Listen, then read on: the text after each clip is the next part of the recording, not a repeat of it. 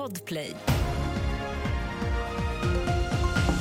Här är senaste nytt som börjar med att en man skadades i en skottlossning i en biljardhall i Malmö sent igår kväll.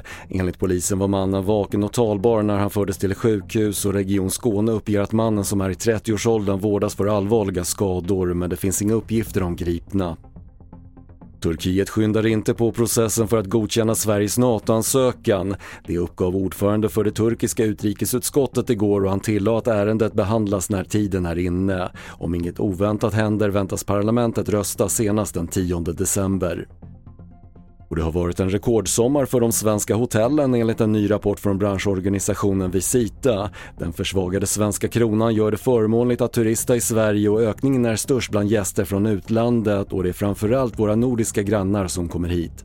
Ett land som sticker ut verkligen det är Danmark och de har ju sin valuta peggad till euron så att det har blivit väsentligt billigare för dem att åka över sundet. Det sa Thomas Jakobsson på Visita och fler nyheter finns på tv4.se. Jag heter Patrik Lindström.